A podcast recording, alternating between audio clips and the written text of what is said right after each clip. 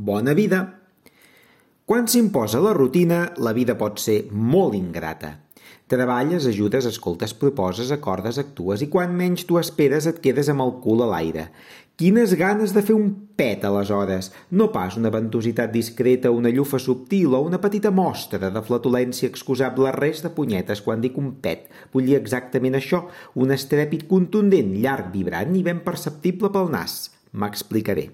Durant molts anys he exercit de coordinador general del clan familiar, de l'oficina on treballo, de l'associació de veïns, de l'agrupació excursionista, de la colla de geganters, del club de petanca i de la plec d'artistes del poble que m'acull des de fa anys. Ah, i quan em sobra temps vaig a buscar bolets. Mai a caçar-los. Déu me'n guardi d'aquesta funesta imatge de pistoladisme barroer.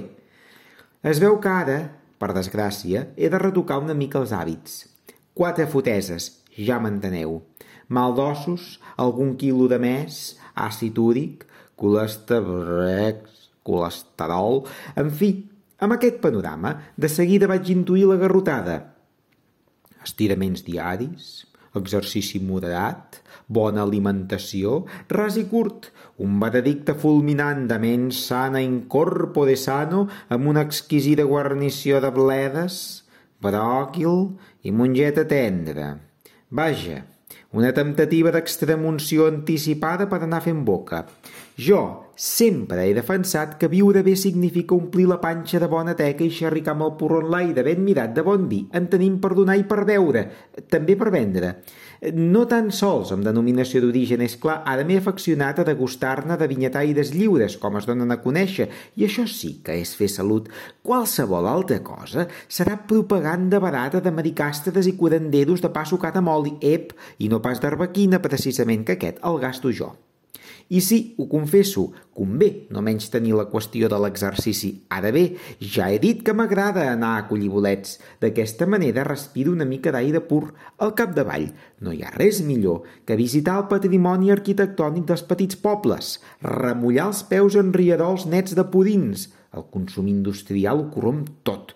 Conèixer llocs insospitats de la nostra esplèndida geografia, farem gresca i xerinola a la noble vila de Suc, com diuen els del pont i pissador, i assaborir un esmorzar de forquilla en una pintoresca casa rural.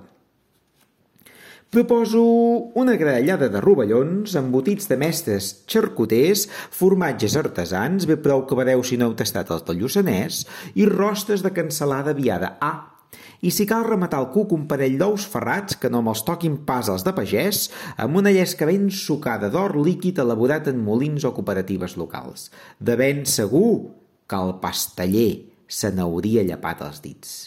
Ui, el pasteller! Quina gràcia em feien els seus versos. Amb aquest guisat tan bo i un trinxat de la Cerdanya menjarem de bona gana i en tindrem pel ressupor. No voldria ofendre el Marc Ribes, perquè encara em tombaria d'una bufada, però, renoi, trobo a faltar la gastronomia dels petits pobles. És l'únic punt que li falta al Mas Ferrer. Avui dia, els ídols de la canalla són esportistes lacònics, o sigui, de vocabulari escàs, i superherois musculosos amb tota mena de poders estrambòtics. Doncs l'home de la tele, a qui jo admirava de petit, era ell, l'incommensurable Jaume Pasteller. Plan sabia el de la bona cuina de viure com un senyor, no pas com ara, que ens convertim en toixos acòlits de modes mediàtiques i ens bevem l'enteniment amb batuts energètics, dietes impronunciables i putingues histriòniques, perdó, isotòniques, un batibull de borrades tot plegat. El senyor Pasteller, acabo el panegíric, era un home elegant, intel·ligent, culte, empàtic i bon conversador. Vaja, com jo mateix quan no estic de vacances. A mi, que consti, poc em veureu estar fent ganyotes davant del mòbil, com un autòmat qualsevol que penja vídeos a internet, quasi sempre sense solta ni volta. Què hi farem?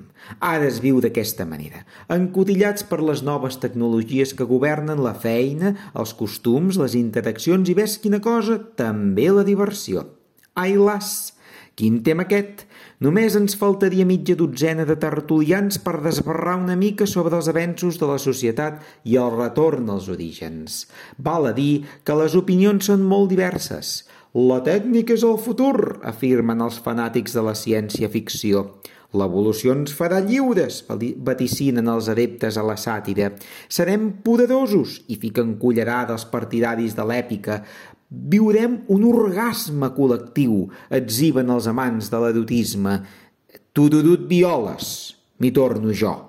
Perquè si afavorim la producció en massa, permetrem que s'assequin les arrels i sepultarem el futur en un desert de consumisme desbocat, fins que, oh sorpresa, un bon dia tot farà un pet com un aglà. Llavors no sabrem ni per què servien els eixarells o els aspres. Amb això, senyores i senyors, tornem al principi. Com us deia, els bons pets han de ser contundents, llargs, vibrants i ben perceptibles pel nas, en resum. Abonem-nos a la salut del planeta, a la vida dels petits pobles i a la descoberta dels productes o serveis de proximitat per què? Si aquesta base peta, ai, no hi haurà atròfia nasal ni mascareta que valgui, que Déu ens agafi oxigenats.